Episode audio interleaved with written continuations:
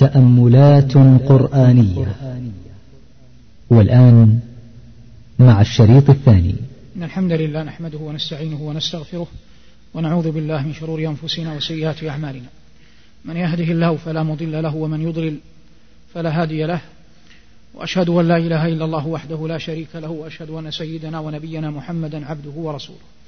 صلى الله عليه وعلى آله وأصحابه وعلى سائر من اقتفى أثره. واتبع منهجه بإحسان إلى يوم الدين. أما بعد فإننا نستعين الله جل وعلا في تفسير كلامه جل وعلا كرة أخرى. وكنا قد انتهينا في اللقاء الماضي إلى سورة الأعراف وسنشرع اليوم إن شاء الله في تفسير سورة الأنفال.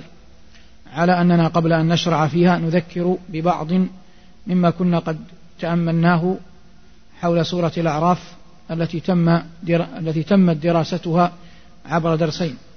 وكنا قد ذكرنا في اللقاء الماضي أن الله جل وعلا ذكر ثلة من أنبيائه ورسله في سورة الأعراف بدءا بنوح وانتهاء بموسى عليهم السلام.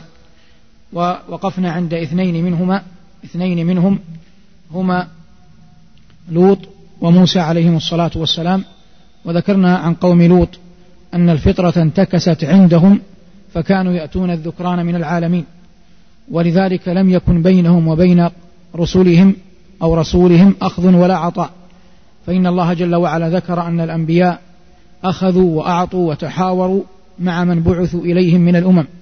فقوم ثمود قالوا لصالح يا صالح قد جادلتنا فأكثرت جدالنا قالوا لصالح قد كنت فينا مرجوا قبل هذا.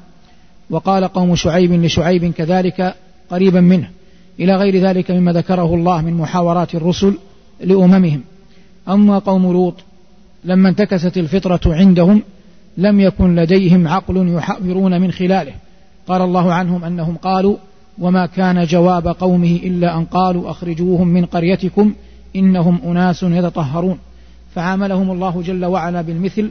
قال الله تبارك وتعالى فجعلنا عاليها سافلها وأمطرنا عليهم حجارة من سجيل منضود. وهذه الآية في هود. ثم ذكرنا بعضا مما من خبر نبي الله موسى مع فرعون وآله. أو فرعون وملئه. وذكرنا أن الله جل وعلا قال عنهم وقالوا مهما تأتنا به من آية لتسحرنا بها فما نحن لك بمؤمنين. فأرسلنا عليهم الطوفان والجراد والقمل والضفادع والدم. فهذه كم آية؟ خمس. وقال قبلها جل وعلا ولقد أخذنا آل فرعون بالسنين ونقص من الثمرات. هذه كم؟ اثنتان. والخمس سبع. وبقيت اثنتان هما العصا واليد. فهذه التسع آيات التي قال الله جل وعلا عنها أنه بعث فيها بها موسى إلى فرعون وملئه والقرآن ينظر إليه جملة واحدة ويفسر بعضه بعضا ويصدق بعضه بعضا فكله كلام رب العالمين جل جلاله. كما ذكرنا أن قول ربنا جل وعلا فأرسلنا عليهم الطوفان والجراد والقمل والضفادع والدم آيات مفصلات أن كل من كلا من كلمتي آيات وكلمة مفصلات أعطت معنى. فقلنا إن كلمة آيات دلت على أمر خارج عن المألوف لأن الجراد والقمل والضفادع يوجد في كل زمان ومكان. لكن الله جل وعلا جعل وجودها في زمن موسى آية له خارجة عن المألوف. وقوله تبارك وتعالى مفصلات يدل على أنها كانت لم تكن جملة واحدة وإنما كان يتبع بعضها بعضا وكان بينهم مرحلة زمنية. ثم قلنا إن الله جل وعلا قال ووعدنا موسى ثلاثين ليلة. وقلنا أن القاعدة في ذكر الأيام والليالي أن الأيام تحسب بها المنافع الدنيوية. فالمزارعون مثلا إنما يحصدون بناء على البروج الشمسية وليس لهم علاقة بالأهلة. وأما الأهلة والليالي فإنما يحسب بها المناسك الدينية. قال الله جل وعلا يسألونك عن الأهلة قل هي مواقيت للناس والحج. وهذه قلنا فيها فائدة كبرى أن يعرف الإنسان أن ما يتعلق بالأيام فيه المنافع الدنيوية وما يتعلق بالليالي فيه المنافع والمناسك الدينية. ثم قلنا إن الرب تبارك وتعالى قال وقال موسى لأخيه هارون اخلفني في قومي وأصلح ولا تتبع سبيل المفسدين. ولما جاء موسى لميقاتنا فذكرنا أنه كان هناك ميقاتان ميقات مكاني وميقات زماني. فالميقات المكاني الوادي المقدس أو بتعبير أقرب جبل جبل الطور. قال الله جل وعلا في القصص وما كنت بجانب الغربي إذ قضينا إلى موسى الأمر وما كنت من الشاهدين. فالجبل الطور هو الجبل الذي كلم الله عنده موسى مرتين المرة الأولى في أول أيام الوحي والمرة الثانية في وقت الميقات الذي وعده الله جل وعلا إياه. هذا هو الميقات المكاني. أما الميقات الزماني فإن الله كلم عبده موسى بن عمران متى؟ قلنا بعد أربعين يوم وافق أي يوم؟ يوم عشر ذي الحجة. يوم عشر ذي الحجة هو اليوم الذي كلم الله جل وعلا فيه نبيه موسى. فإن الله وعده ثلاثين يوما عند جماهير العلماء هي ثلاثين ذي القعدة. شهر ذي القعدة ثم زاده الله عشرا قال الله فتم ميقات ربه أربعين ليلة فاليوم الأربعون هو اليوم العاشر من ذي الحجة المتمم لثلاثين ذي القعدة وعشر ذي الحجة. ثم قلنا ولما جاء موسى لميقاتنا وكلمه ربه قال رب أرني أنظر إليك. رغب عليه السلام في مقام في مقام الرؤيا بعد أن أعطي مقام التكليم. بعد أن أعطي مقام التكليم طمع عليه السلام في مقام في مقام الرؤيا. فقال الله جل وعلا له لن تراني. وقلنا إن رؤية الله جل إن رؤية العبد المؤمن للرب جل وعلا سنتكلمنا عنها دي دنيويا في الدنيا وأين؟ وفي الآخرة. وقلنا يحرر الخطاب على أنه يقال أن رؤية الله جل وعلا في الدنيا جائزة عقلا ممتنعة شرعا. ومعنى قولنا جائزة عقلا أنه يمكن بقدرة الله أن يعطي الله عباده قدرة على أن يروا على أن يروا ربهم في الدنيا لأن الله على كل شيء قدير فهذا لا ينافي العقل. لكن الله أخبر في كتاب أن هذا لن يقع إذ قال لكليمه موسى لن تراني؟ فقلنا إنها وإن كانت جائزة جائزة عقلا إلا أنها ممتنعة شرعا. هذا في الدنيا. أما في الآخرة فقد قلنا ما دامت جائزة عق ما دامت جائزة عقلا في الدنيا فمن باب أولى أن تكون جائزة عقلا في في الآخرة لأن الأبصار في الآخرة أقوى منها في الدنيا. قال الله جل وعلا فكشفنا عنك غطاءك فبصرك اليوم حديد ولكننا قلنا إنها في الدنيا ممتنعة شرعا ونقول في الآخرة ماذا؟ واقعة شرعا لمن؟ للمؤمنين. واقعة شرعا للمؤمنين في الجنة. وقد نص القرآن والسنة على هذا. قال الله جل وعلا في سورة القيامة وجوه يومئذ ناظرة بالضاد أخت الصاد. والمعنى تعلوها النظرة إلى ربها ناظرة أي تبصر ماذا؟ تبصر ربها من غير من غير إحاطة لأن الله يقول لا تدركه لا تدركه الأبصار وهو اللطيف الخبير فالله جل وعلا لا يدركه لا يدركه بصر خلقه. على هذا ما تحرر. وقلنا إن من العلماء من قال إنها ممتنعة في الدنيا والآخرة. وهذا قول من؟ قول المعتزلة. وقلنا نص عليه جار الله الزمخشري في تفسيره المشهور باسم باسمه. تفسير ماذا؟ تفسير الكشاف. فإنه قال إن الله لا يرى. إن العباد لا يرون ربهم. لا في الدنيا ولا في الآخرة. واحتج بحرف النفي ماذا؟ لن. وقلنا إنه الجواب العلمي أن يقال إن الله جل وعلا قال عن اليهود أنهم لا يتمنون الموت فقال عنهم ولن يتمنوه أبدا بما قدمت أيديهم أي الموت. ومع ذلك قال الله عن أهل النار واليهود قطعا من أهل النار. قال وقالوا يا مالك ليقضي علينا ربك. قال إنكم ماكثون. فيتمنون الموت. فدل على أن لن هنا تجري على أحكام الدنيا لا تجري على أحكام الآخرة. ثم إن النصوص الصريحة في رؤية المؤمنين لوجه ربهم لا يمكن تأويلها ولا دفعها بحال. في رؤية وجه ربهم تبارك وتعالى منها آية القيامة التي مرت معنا ومنها قول الله قوله النبي صلى الله عليه وسلم كما في الصحيحين وغيرهما إنكم سترون ربكم يوم القيامة كما ترون القمر ليلة البدر لا تضامون في رؤيته. من الله علينا وعليكم برؤية وجهه الكريم. ثم قلنا بعد ذلك إن الله جل وعلا قال لموسى يا موسى إني اصطفيتك على الناس برسالاتي وبكلامي فخذ ما آتيتك وكن من الشاكرين. وقلنا إن هذه الكلمة على الناس ليست على إطلاقها ليست على إطلاقها. وإن من الآلة العلمية في تفسير كلام الله أن يكون الإنسان مطلعا على اللغة مطلعا على الأحاديث مطلعا على التاريخ. فقول الله جل وعلا لموسى إني اصطفيتك على الناس لا يمكن أن تكون على إطلاقها لعموم الناس. نبي لأن نبينا صلى الله عليه وسلم أفضل من من؟ أفضل من موسى أفضل من موسى بالاتفاق. فموسى عليه السلام أفضل أهل زمانه. أما من قبله فإبراهيم أفضل من موسى. إبراهيم أفضل من موسى. بل إن موسى من ذرية من؟ من ذرية إبراهيم. جميع الأنبياء الذين من بعد إبراهيم من ذرية إبراهيم باستثناء لوط على الخلاف أنه ابن أخيه.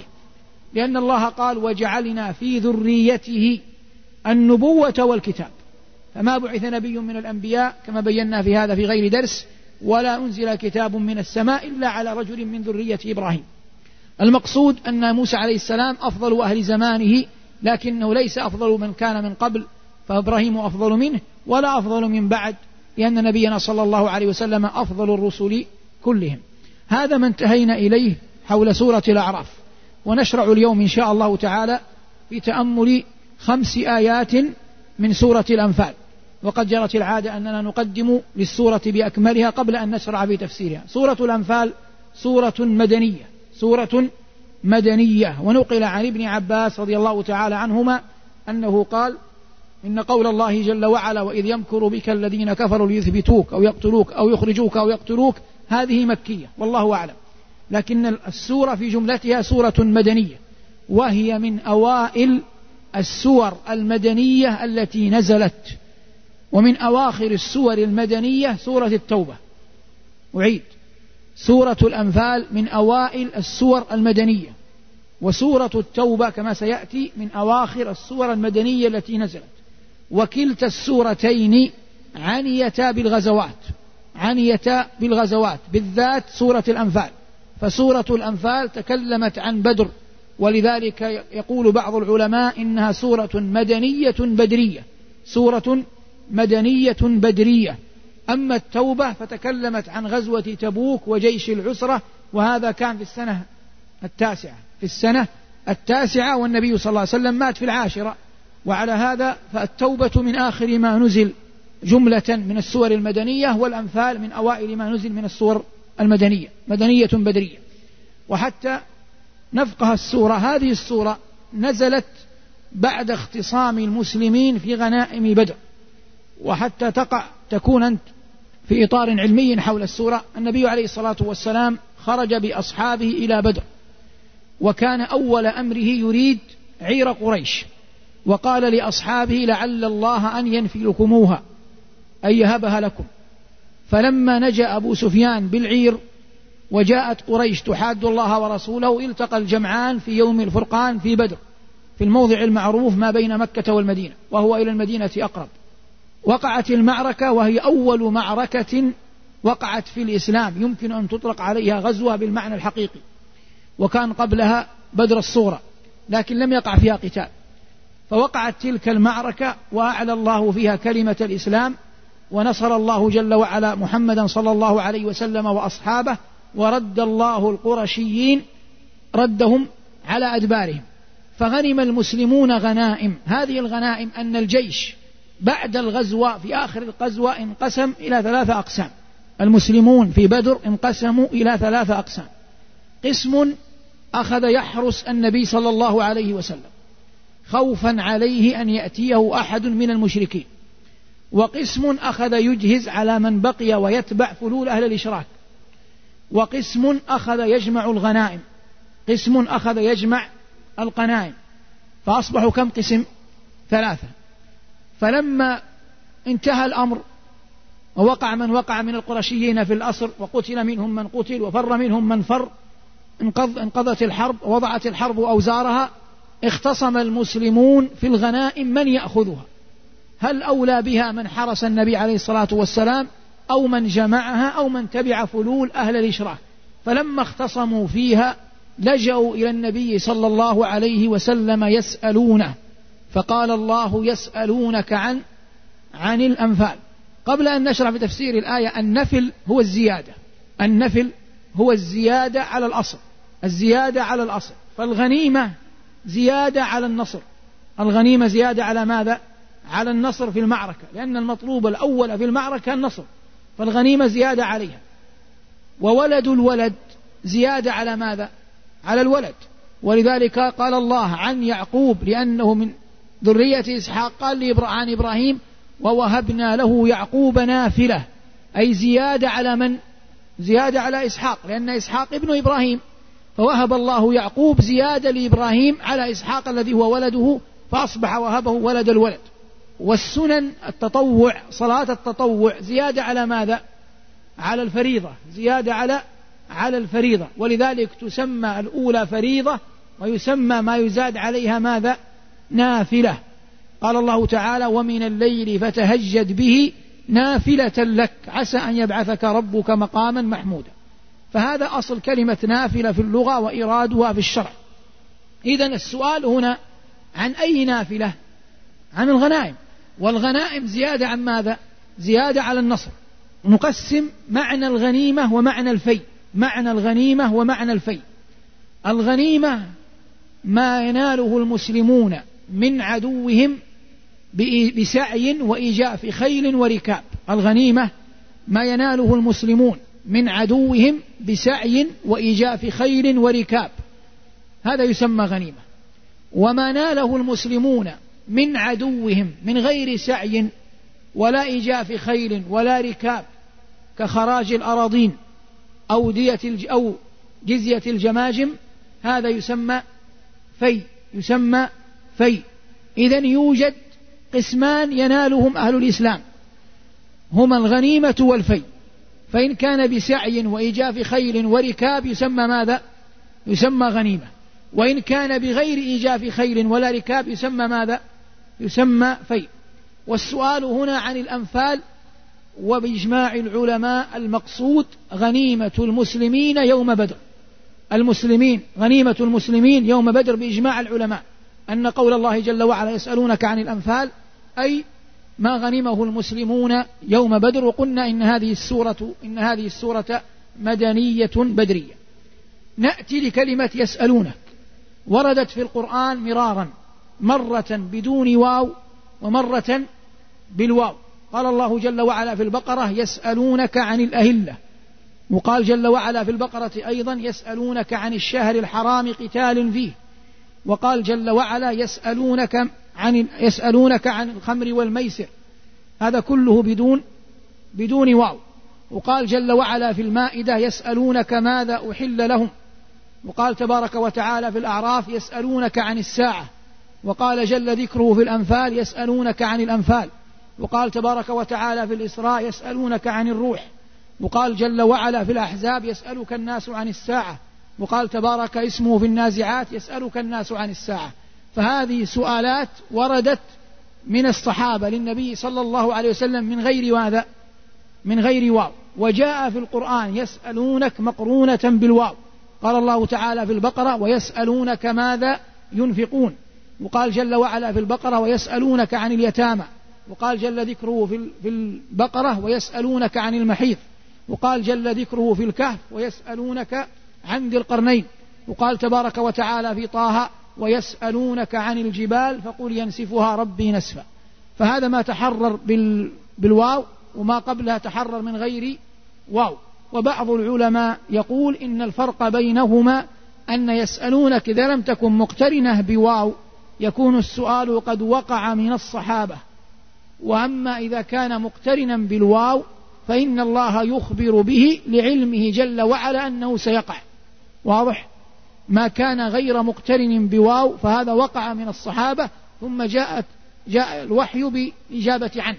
وما لم يكن وما كان مقترنا بالواو يقولون إنه لم يقع لكن الله أخبر عنه لعلمه جل وعلا أنه يقع والله أعلم. وأنا أقول إذا قلت والله أعلم أو سكت تعلم طريقة شيخك معناه أن لا أرجح في المسألة. إذا لم نرجح معناه أن الأمر لم يثبت لدينا بيانا شافيا فيه كدليل والله أعلم. هذا معنى حول كلمة يسألونك. كان المفترض الله يقول يسألونك عن الأهلة. الله قال بعدها ماذا؟ قل هي مواقيت للناس والحج. ويسألونك ماذا ينفقون؟ قل ما أنفقتم من خير فللوالدين والأقربين. ويسألونك عن الجبال فقل ينسفها ربي نسفا. ويسألونك عن الروح قل الروح من أمر ربي. يأتي الجواب مباشرة. لكن هنا قال الله يسألونك عن الأنفال ولم يأتي ماذا؟ ولم يأتي جواب. يسألونك عن الأنفال ولم يأتي جواب. جاء الجواب بعد أربعين آية. بعد أربعين آية في الآية الواحدة والأربعين قال الله واعلموا أن ما غنمتم من شيء فأن لله خمسه وللرسول ولذي القربى واليتامى والمساكين وابن السبيل. إن كنتم آمنتم بالله وما أنزلنا على عبدنا يوم التقى يوم الفرقان يوم التقى الجمعان والله على كل شيء قدير. جاء الجواب بعد أربعين آية. لماذا؟ هذا من تربية الله للصحابة. من تربية الله للصحابة. لماذا؟ الخطأ من الرجل العظيم ليس كالخطأ من ماذا؟ ممن هو أقل منه. ترى شاب يلعب بالكرة والمغرب يؤذن. لا يجوز. لكن لأنه شاب تأتيه بيسر. لأنك تعرف أن عين قدر وعين شرع هذا شاب فتأتيه باللين لكن لا يقبل أن تأتي رجل إمام مسجد والإمام والأذان يأذن وهو يلعب كرة. ما يمكن أن تقبل. واضح؟ فيكون تأنيبك للإمام ليس كتأنيبك لمن؟ للشاب. واضح؟ صفوة الأمة هم أهل بدر. صفوة الأمة هم أهل بدر.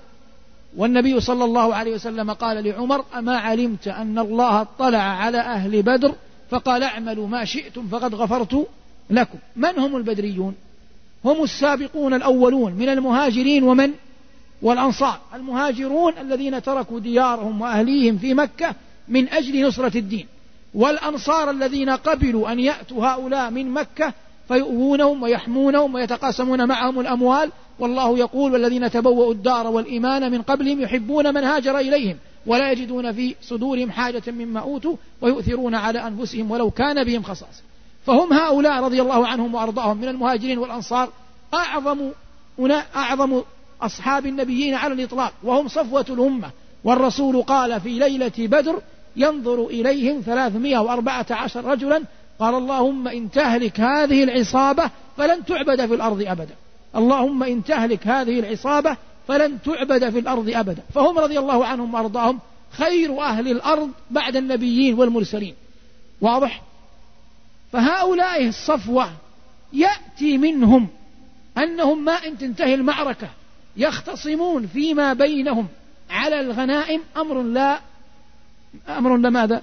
لا يقبل. أمر لماذا؟ لا يقبل. فرباهم الله جل وعلا وعاتبهم عتابا شديدا قال يسألونك عن الأنفال ولم يقل هي كذا وكذا وكذا قل الأنفال لله وللرسول أي ليس لكم فيها أي اختصاص قل الأنفال لله والرسول والصحابة يعلمون أن كل شيء أمره لله والرسول يحكم فيه لكن أراد الله أن يؤدبهم قل الأنفال لله والرسول فاتقوا الله إذا علمت هذا أن الله قال في حق بدر أهل بدر فاتقوا الله. وقال في حق نبيه صلى الله عليه وسلم في سورة الأحزاب يا أيها النبي اتق الله. إذا لا يستكبر أحد عن كلمة اتق الله. لا يستكبر أحد عن اتق الله ولا يوجد أحد فوق مستوى النقد. لا يوجد أحد فوق مستوى النقد. كل إنسان عرضة للخطأ وكل إنسان يخطأ ينقد ويقال له أخطأت ولو كان منزلته أيا كانت. لكن كيف تنقده يختلف. فلا تأتي الإمام مسجد أمام عشرات الناس يصلون وراءه والمئات وتقف تنقده أمام الناس. هذا ليس من النصيحة في شيء. ولا تأتي لمعلم أمام طلابه وتوبخه أو تنهره أمام طلابه. ولا تأتي لأمير ولا حاكم في خطبة جمعة تنقده لتذهب هيبته في الناس. ولا تأتي لأب تنقده أمام أولاده. ولا لأم أمام بناتها من أخلص النية في النقد سيوفق في الطريقة السليمة التي ينقد بها. لكن هنا لماذا اختلف الأمر؟ لأن المعاتب هنا من؟ الله. فالمسألة تختلف جذريا. ليست اختلاف كفو لكفو. ليست نقد كفء لكفو وإنما هذا عتاب من الله لأهل بدر. فقال الله جل وعلا لهم يسألونك عن الأنفال قل الأنفال لله والرسول فاتقوا الله وأصلحوا ذات بينكم. أنتم انتصرتم على المشركين والأهم أن تنتصروا على ما في ماذا؟ على ما في النفوس. قالوا يا رسول الله قال ليس الشديد بالسرعة إنما الشديد الذي يملك نفسه عند الغضب. انتصار الإنسان على هوى نفسه وعلى شهواته وعلى حبه للمال وحبه لأن يكون أفضل من غيره وما يدفعه إلى الإثارة في للاستئثار بالشيء هذا الذي ينبغي أن ينتصر عليه. فإذا انتصر الإنسان على شهوات نفسه وحبه وحبه للكبر والاستعلاء على الغير حقق الانتصار العظيم. فالله يقول لنبيه ولأصحابه فاتقوا الله وأصلحوا ذات بينكم والصلح. وصفه الله جل وعلا بأنه خير ويقع على عدة طرائق. يقع الصلح ما بين أهل الإيمان وأهل الكفر ودليله من نفس السورة وإن جنحوا للسلم فاجنح لها وتوكل على الله. وهذا مرده لولي أمر المسلمين. وصلح يقع ما بين فئتين من أهل الإسلام تحترب فيسعى ما بينهما في الصلح. قال الله تعالى وإن طائفتان من المؤمنين اقتتلوا فأصلحوا بينهما. وصلح يقع ما بين الزوج والزوجة. قال الله فيه فبعثوا حكما من أهله وحكما من أهلها أن يريد إصلاحا يوفق الله بينهما. وصلح يقع ما بين الرجل والرجل في خصومات مالية وهذا لا بد فيه من التنازل. أصلا أي صلح لا بد فيه من التنازل. إن لم يتنازل كلا الطرفين لا يسمى صلح. إن لم يتنازل كلا الطرفين عن بعض حقه لا يسمى لا يسمى صلح. والسعي بين الناس في الصلح من أعظم طرائق الخير. قال الله جل وعلا لا خير في كثير من نجواهم إلا من أمر بصدقة أو معروف أو إصلاح أو إصلاح بين الناس. فالسعي في الإصلاح حتى مما يجوز الكذب فيه شرعا. الصلح بين الناس مما يجوز الكذب فيه شرعا. فنعود إلى قول ربنا جل وعلا فأصلحوا ذات بينكم أي كونوا أمة متحابة متآلفة. لا تفرق بينكم الدنيا ولا الغنائم. وهذا تربية لصفوة الأمة وهم أهل بدر من لدن العليم الخبير جل جلاله. فاتقوا الله وأصلحوا ذات بينكم وأطيعوا الله والرسول إن كنتم مؤمنين. قبل أن نأتي للآية التي بعدها ننتقل للآية الإحدى والأربعين التي فسرت هذه الآية. ثم بعد ذلك بين الله جل وعلا قسمة الغنائم. فقال واعلموا أن ما غنمتم من شيء فأن لله خمسه وللرسول ولذي القربى واليتامى والمساكين وابن السبيل. إن كنتم آمنتم بالله وما أنزلنا على عبدنا يوم الفرقان يوم التقى الجمعان والله على كل شيء قدير. هنا قسم الله الغنائم. حب المال فطرت عليه النفوس.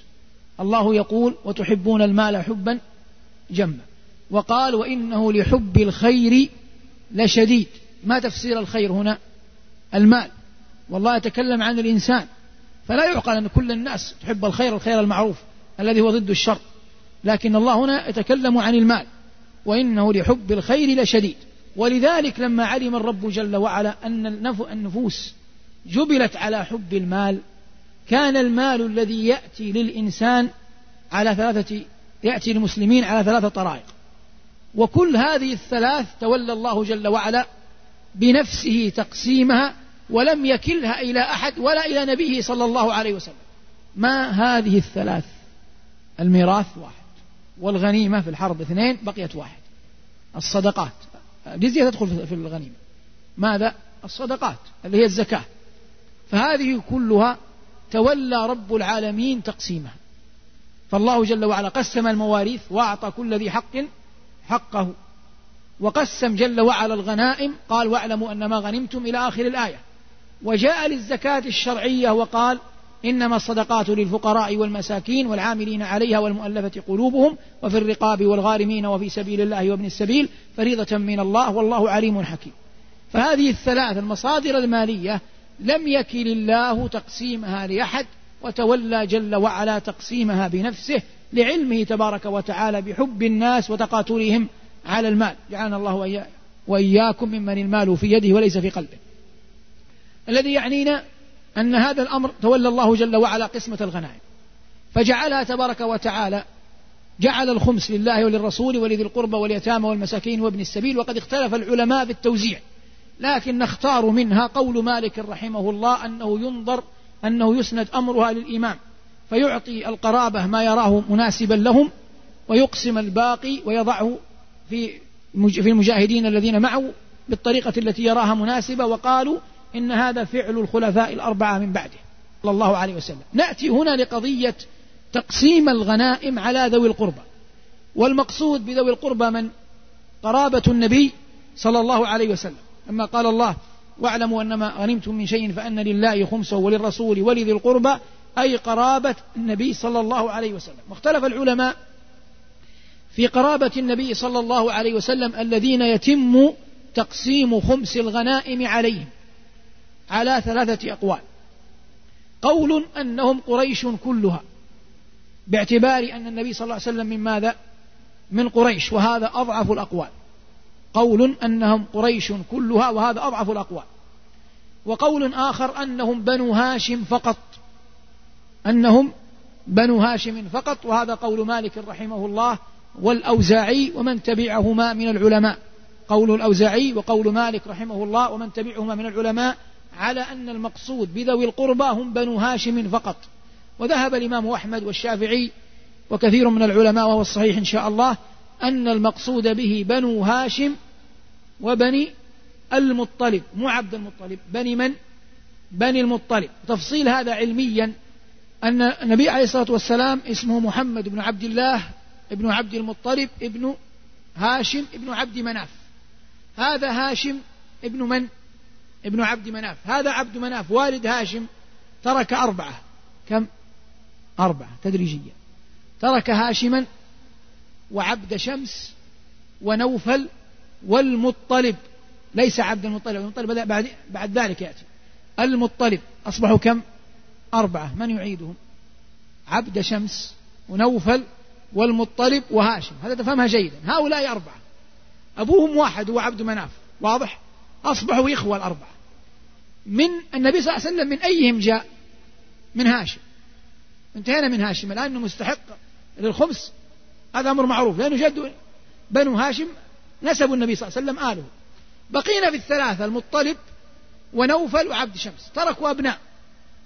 لما جاءت قريش وحاصرت بني هاشم في شعب بني طالب حاصرت النبي صلى الله عليه وسلم وأهل, وأهل بيته من بني هاشم في الشعب كم أبناء عمومة لهم؟ ثلاثة بنو المطلب وبنو عبد شمس وبنو موفل صح؟ بنو عبد, بنو عبد شمس وبنو نوفل اتفقوا مع قريش. بقينا في من؟ في بني المطلب. بني المطلب دخلوا مع بني هاشم في الشعب. يناصرونهم. دخلوا مع بني هاشم في ماذا؟ في الشعب. فحفظها النبي صلى الله عليه وسلم لهم. فلما جاء يقسم الغنائم بعد خيبر جاءه من ذرية عبد شمس عثمان بن عفان وجاءه من ذرية نوفل جبير بن مطعم. وقال يا رسول الله لما وزع الغنائم أعطى بني المطلب وأعطى بني هاشم. قال رضي الله عنهما يا رسول الله كونك تعطي بني هاشم هذه ما نعترض. لأن الله عزهم بك.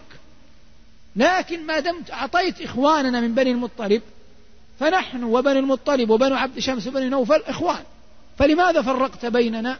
فقال صلى الله عليه وسلم إن بني المطلب لم يفارقونا في جاهلية ولا في إسلام. لأنهم دخلوا معه ماذا؟ الشعب. ثم شبك بين أصابعه وقال إنما بنو المطلب وبنو هاشم شيء واحد. فأصبح هذا الحديث حجة ظاهرة في أنهم يعطون من الخمس كما يعطى من؟ كما يعطى بنو هاشم. يعطى بنو المطلب كما يعطى بنو هاشم. وفي مثل يقول إذا جاء نهر الله بطل نهر معقل. إذا جاء نهر الله بطل نهر معقل. فما دام هذا الحديث في نص الموضوع يعتذر لمن قال من العلماء غير ذلك. واضح؟ واضح؟ يعتذر للعلماء الذين قالوا إنها محصورة في بني هاشم أو عامة في قريش كلها. هذا توزيع الغنائم كما أمر الله جل وعلا وقد بيناه. نعود للصورة الآن. قال الله جل وعلا بعد ذلك بعد أن ذكرنا قضية بدر وقلنا إن معركة بدر هي أول معركة بين أهل الحق وأهل الباطل بين المسلمين وبين الكفار. والنبي صلى الله عليه وسلم وقف على قليب بدر بعد أن ألقي فيه الجمع منهم وأخذ يسألهم هل وجدتم ما وعد ربكم حقا؟ فإني قد وجدت ما وعدني ربي حقا فجاءه عمر وقال يا رسول الله كيف تكلم أقواما قد جيفوا؟ فقال يا عمر ما أنت بأسمع لما أقول منهم ولكنهم لا يملكون جوابا. قال حسان فما نطقوا ولو نطقوا لقالوا أصبت وكنت ذا رأي مصيب. لكن كتب الله عليهم ما كتب عياذا بالله. هذه معركة بدر وهذه سورة الأنفال التي نزلت تبين الموقع وتذكر جهاد النبي صلى الله عليه وسلم وأصحابه في تلك المعركة. نعود للسورة نفسها. ثم قال الله جل وعلا بعد أن انتهى من هذه القضية يربي عباده الصالحين على الإيمان. قال إنما المؤمنون الذين إذا ذكر الله وجلت قلوبهم. وإذا تليت عليهم آياته زادتهم إيمانا وعلى ربهم يتوكلون الذين يقيمون الصلاة ومما رزقناهم ينفقون أولئك هم المؤمنون حقا لهم درجات عند ربهم ومغفرة ورزق كريم ذكر الله جل وعلا هنا أصحاب المنازل العالية من أهل الإيمان أهل المقربون أهل الدرجات الرفيعة أهل الإيمان الحق الذين اصطفاهم واجتباهم سواء من النبيين أو من أتباعهم إلى يوم الدين. فلم يذكر الله أعيانا بأسمائها وإنما ذكر صفات يتحلون بها جعلتهم مؤمنين حقا. فقال في أولها إنما المؤمنون الذين إذا ذكر الله وجلت قلوبهم والوجل هو الخوف والمعنى أنه يصيبهم من الخوف والوجل والطمع والرغبة فيما عند الله ما تقشعر له الأبدان وترتجف له القلوب ثم لا تلبث قلوبهم أن تسكن وجوارحهم أن تهدأ بعد ذكر الرب تبارك وتعالى. وهذا من أعظم دلائل الإيمان أن يجل قلب المؤمن إذا ذكر الله تبارك وتعالى. فإذا خوف بالله خاف وإذا ذكر بالله ذكر وإذا اتعظ بالله وعظ وإذا قيل له اتق الله لم تأخذه العزة بالإثم. هذا الذي قال الله عنهم إنما المؤمنون الذين إذا ذكر الله وجلت قلوبهم. ثم قال وإذا تليت عليهم آياته زادتهم إيمانا. فالإيمان يزيد وينقص ينقص بالمعاصي ويزيد بالطاعة. وإن مما يزيد المؤمن يزيد إيمان المؤمن تلاوة كلام الرب جل وعلا. بل هذا من أعظم ما يزيد الإيمان. قال الله تعالى وننزل من القرآن ما هو شفاء ورحمة للمؤمنين. ولا يزيد الظالمين إلا خسارة. والمؤمن ينبغي عليه أن يكون يومه خير من أمسه وغده خير من يومه. يزداد إيمانا كلما تلا هذا الكتاب العظيم وعلم أن هذا القول قول الله جل وعلا. وهذه مناقب. ذكرها الله جل وعلا في الأنبياء وذكرها الله جل وعلا في الرسل وذكرها الله جل وعلا في العامة. قال الله في الأنبياء أولئك الذين أنعم الله عليهم من النبيين من ذرية آدم وممن حملنا مع نوح من ذرية إبراهيم وإسرائيل وممن هدينا واجتبينا إذا تتلى عليهم آيات الرحمن. خروا سجدا وبكيا. وقال جل وعلا عن أهل العلم قل آمنوا به أو لا تؤمنوا. إن الذين أوتوا العلم من قبله إذا يتلى عليهم يخرون للأذقان سجدا ويقولون سبحان ربنا إن كان وعد ربنا لمفعولا. ويخرون للأذقان يبكون ويزيدهم خشوعا. وقال الله عن عامة الناس وإذا سمعوا ما أنزل إلى الرسول ترى أعينهم تفيض من الدمع مما عرفوا من الحق. يقولون ربنا آمنا فاكتبنا مع الشاهدين وما لنا لا نؤمن بالله وما جاءنا من الحق. ونطمع أن يدخلنا ربنا مع القوم الصالحين. فأثابهم الله بما قالوا جنات تجري من تحتها الأنهار خالدين فيها. وذلك جزاء المحسنين. فالمؤمن يحاول قدر الإمكان أن يرقى بنفسه إلى مستوى من وصفهم الله ونعتهم من أهل الدرجات العالية ممن وعدهم الله جنانه ومغفرته والرزق الكريم. جعلني الله وإياكم.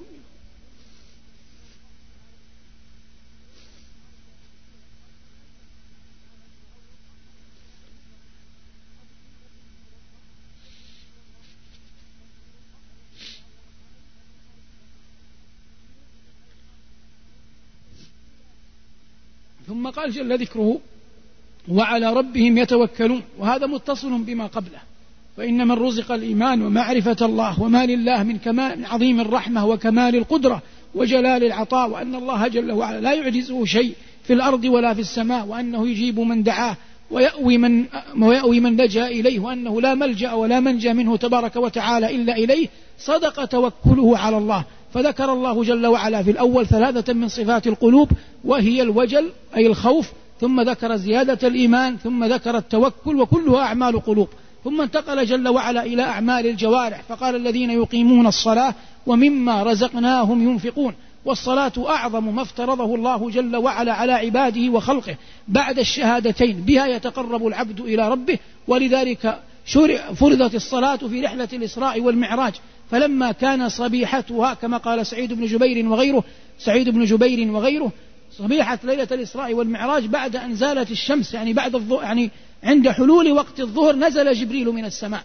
فأما النبي صلى الله عليه وسلم عند البيت فكانت أول صلاة فرضت من الصلوات الخمس صلاة الظهر أما بها جبريل نبينا صلى الله عليه وسلم ليومين متتاليين. صلى به الظهر والعصر والمغرب والعشاء والفجر في أول وقتها ثم صلى به كرة أخرى الظهر والعصر والمغرب والعشاء والفجر لآخر وقتها وقال له بعد ذلك وهو يعلمه الصلاة ما بين هذين الوقتين أي ما بين هذين كله كله صلاة. والمؤمنون حتى في الصلاة يختلفون من الناس والعياذ بالله من لا يصليها. وهذا من المحال أن يطلق عليه مؤمن. ومن الناس والعياذ بالله من يصليها في بيته من غير عذر. ومنهم من يأتي إلى الجماعة. ومنهم من هو أرقى درجة وأرفع منزلة يسابق إلى التكبيرة الأولى. قال صلى الله عليه وسلم كما عند الترمذي بسند حسنه العلامة الألباني رحمه الله. قال من صلى لله أربعين, أربعين يوما من صلى لله أربعين يوما يدرك التكبيرة الأولى أي تكبيرة الإحرام كتبت له براءتان. براءة من النار وبراءة من النفاق. من صلى لله أربعين يوما يدرك التكبيرة الأولى كتبت له براءتان براءة من النار وبراءة من النفاق. وفقنا الله وإياكم لهذا العمل. ثم قال جل وعلا يختم أعمالهم. قال ومما رزقناهم ينفقون. فالإنفاق مما آتاك الله حسن ظن بالرب جل وعلا وأن الله قادر على أن يعوضك. وقد جاء في الأثر لما ذكر النبي صلى الله عليه وسلم السبعة الذين يظلهم الله تحت ظل عرشه يوم لا ظل إلا ظله قال رجل تصدق بصدقة فأخفاها حتى لا تعلم شماله ما تنفق يمينه. ثم لما ذكر الرب تبارك وتعالى صفاتهم ونعوتهم وبعضا مما نعوتهم والسرائر أمرها إلى الله ذكر الله جل وعلا ما أعد لهم فقال عنهم أولئك هم المؤمنون حقا ولا يعني ذلك أن من لم يبكي من خشية الله ليس بمؤمن لأن الله يتكلم هنا عن أهل المنازل العالية ولا يتكلم عن الإيمان الذي يفرق به بين الإيمان والكفر. فربما رجل هذه الخمس تجتمع في بعضها ولا يجتمع فيه كلها فلا يقال عنه أنه ليس بمؤمن. كل من شهد أن لا إله إلا الله وأن محمد رسول الله ورضي بالله ربنا بالإسلام دينا وبمحمد صلى الله عليه وسلم نبيا فالأصل أنه مؤمن. ثم أهل الإيمان يتفاوتون والأعمال قرينة الإيمان لا انفكاك بين الإيمان والعمل الصالح. ثم قال الله أولئك هم المؤمنون حقا لهم درجات عند ربهم أي لهم درجات عالية في الجنة والجنة لها ثمانية أبواب بصورة أفقية ويأتي عليها يوم وهي كضيض من الزحام. وفي داخل الجنة درجات متفاوتة. ولقد سأل موسى عليه الصلاة والسلام ربه عن أهل الدرجات العلى فقال الله جل وعلا كما في الحديث القدسي أولئك الذين غرست كرامتهم بيدي فلم تسمع أذن ولم تر عين ولم يخطر على قلب بشر. وقال الله في سورة السجدة فلا تعلم نفس ما أخفي لهم من قرة أعين جزاء بما كانوا يعملون. والله لو أن ملكا من ملوك الدنيا أجرى مسابقة وقال لمن يفوز بها أعطيه جائزة لا يتوقعها. لتسابق الناس إليه لعلمهم أن هذا الملك, الملك لا يمكن أن يعطي جائزة وضيعة يعير بها وأن الناس يتوقعون أن ينال هذا الفائز أعظم شيء ما دام الملك قد أخفاه لأن الملك سيعطي على قدر ملكه. فكيف إذا كان المانح والمعطي ومخفي الجائزة رب العالمين جل جلاله من بيده خزائن السماوات والأرض وله جل وعلا السماوات والأرض وما بينهما وما تحت الثرى. فقال الله أولئك الذين غرست كرامتهم بيدي فلا تعلم نفس ما أخفي لهم من قرة أعين جزاء بما كانوا يعملون كما في الآية. أولئك هم المؤمنون حقا لهم درجات عند ربهم. ثم قال ومغفرة. دلالة على أن هؤلاء الذين هم المؤمنون حقا لا يمكن أن يكون قد خلوا من الذنوب كلها. هذا محال. لا يمكن أن يوجد أحد خلا من الذنوب كلها كلنا متكلم وسامع ومن قبلنا ومن بعدنا كلنا ذو خطأ. ولن ندخل الجنة بأعمالنا. لكن المؤمن شبهه النبي صلى الله عليه وسلم كالفرس المعقود حبله في مكان ثابت. مهما بعد يعود إلى مكانه. مهما نأى يعود إلى مكانه. كذلك المؤمن. فالمسلم مهما نأت به المعصية أحيانا يفيه إلى ربه ويرجع إلى مولاه ويجدد التوبة ويسأل الله غفران الذنوب ويأتي بالحسنات. عل الله أن يكفر بها ما سلف من الخطايا. قال الله إن الحسنات يذهبن السيئات ذلك ذكرى للذاكرين. ولا إن كنت قد ابتليت بنوع من المعاصي فليس الحل أن, أن تبقى على تلك المعاصي وتداهن أهلها وتبقي معهم. الحل أن تتوب وترجع ولا أن تلقى الله. وأنت خلطت عملا صالحا وآخر سيئا خير لك من أن تلقى الله وليس لك من العمل الصالح شيء. والمؤمن حصيف عاقل يعلم أن الله يغفر الذنوب ويقبل التوبة. والله جل وعلا يقول في الحديث القدسي يا عبادي إنكم تخطئون بالليل والنهار وأنا أغفر الذنوب جميعا فاستغفروني أغفر لكم. فالله جل وعلا وسعت رحمته كل شيء وباب توبته مفتوح. وهو جل وعلا يبسط يده بالليل ليتوب مسيء النهار ويبسط يده بالنهار ليتوب مسيء الليل. فلا انفكاك من التوبة والأوبة والرجوع إلى الله جل وعلا. ثم قال سبحانه ورزق كريم. وهذا الرزق جاء بعضه في القرآن.